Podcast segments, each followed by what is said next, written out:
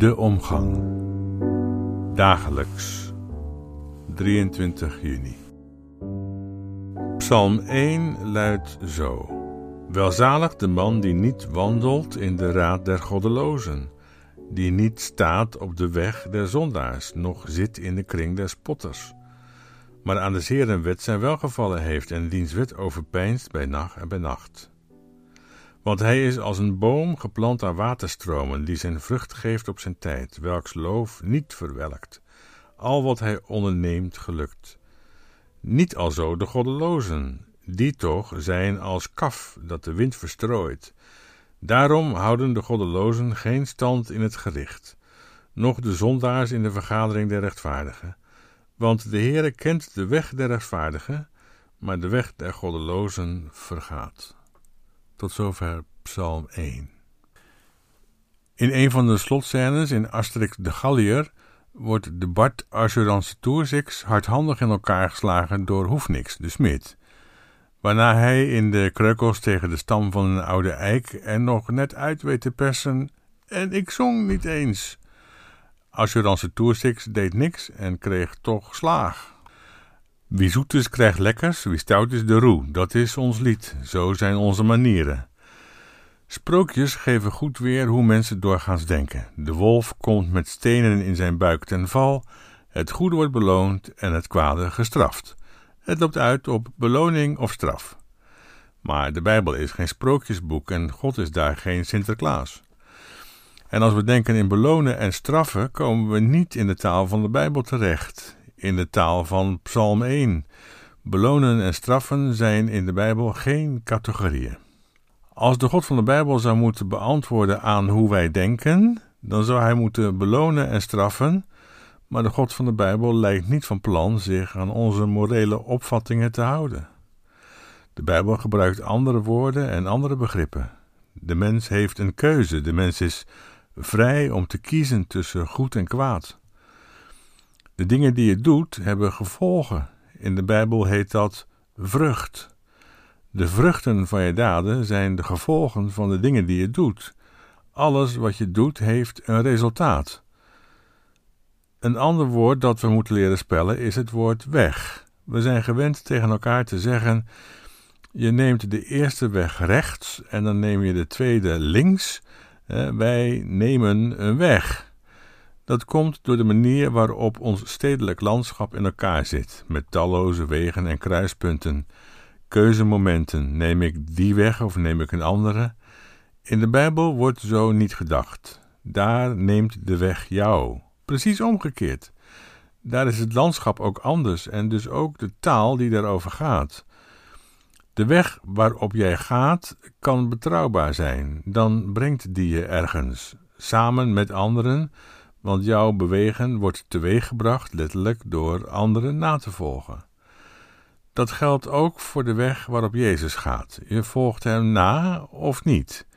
Zijn movement wordt de jouwe of niet. Een weg kan dus ook onbetrouwbaar zijn. Zulke wegen waren er in de werkelijkheid van de psalmist, en dan brengt die je in de woestijn en houdt zomaar op. De keuze die je hebt is dus het kiezen van de weg waarop je gaat en die jou neemt, samen met anderen, meeneemt, iets teweeg brengt. De titel van een LP van Supertramp uit 1975 luidt Crisis, What Crisis? Daar moest ik aan denken vanwege dat twee keer voorkomende woord crisis. Crisis is Grieks en komt vaak voor in de Bijbel. Veel in het Nieuwe Testament, maar ook bijvoorbeeld in de Septuaginta, de Griekse vertaling van Psalm 1. Daar is het de vertaling van het Hebreeuwse woord mishpaat. Een spannende regel in deze psalm is vers 5. Waar loopt het op uit? Daarom houden de goddelozen geen stand in het gericht. Het lijkt alsof God wraak oefent, straft, hoeft niks. Maar is dat zo? Drie begrippen vragen om enige uitleg.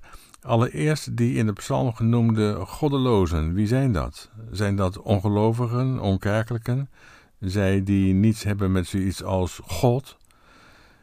In het Hebreeuws wordt daar het woord rasha gebruikt. Rasha is een woord waarin geen verwijzing naar God voorkomt En waarmee diegene wordt aangeduid die volledig gericht is op kwaad, op destructie, vernietiging, de etter, de schoft. De rol van de rasha is die van degene die het leven van kwetsbare mensen onmogelijk maakt. Het tegenovergestelde dus van de tzaddik, de rechtvaardige. De tzaddik doet tzedaka, recht. En dat leidt tot mishpaat, gerechtigheid. Crisis in het Grieks. Als vrucht. Niet als beloning, maar als gevolg, als resultaat. Op dat begrip mishpaat in het Hebreeuws en crisis in het Grieks kom ik zo meteen. Het tweede, wat eerst uitleg behoeft, is de zinsnede geen stand houden. De goddelozen houden geen stand. Als je het zo vertaalt, lijkt het alsof ze worden weggevaagd. Dus toch straf. Is misschien toch een beetje verwarrende vertaling, hè? Geen stand houden. Want het Hebreeuws heeft daar het woordje koem, en dat betekent opstaan. Ontwaakt gij die slaapt en sta op uit de dood. Sta op en ga. Nou, hoe ver zijn we nu? De goddelozen zullen geen stand houden in. Ik zou dus liever vertalen met: de schoften zullen niet opstaan in.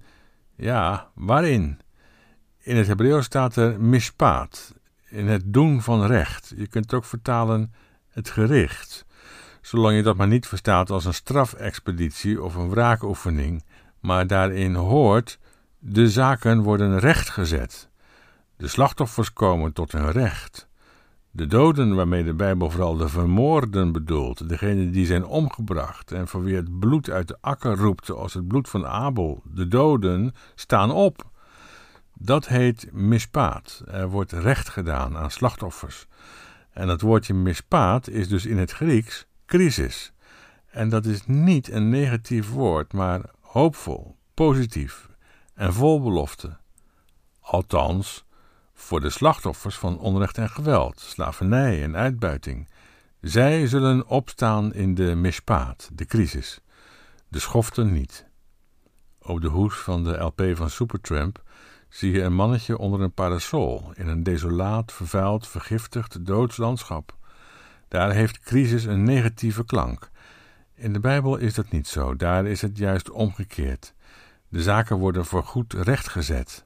Het is leven wordt mogelijk gemaakt. Dat wat ongevallen is, wordt rechtop gezet.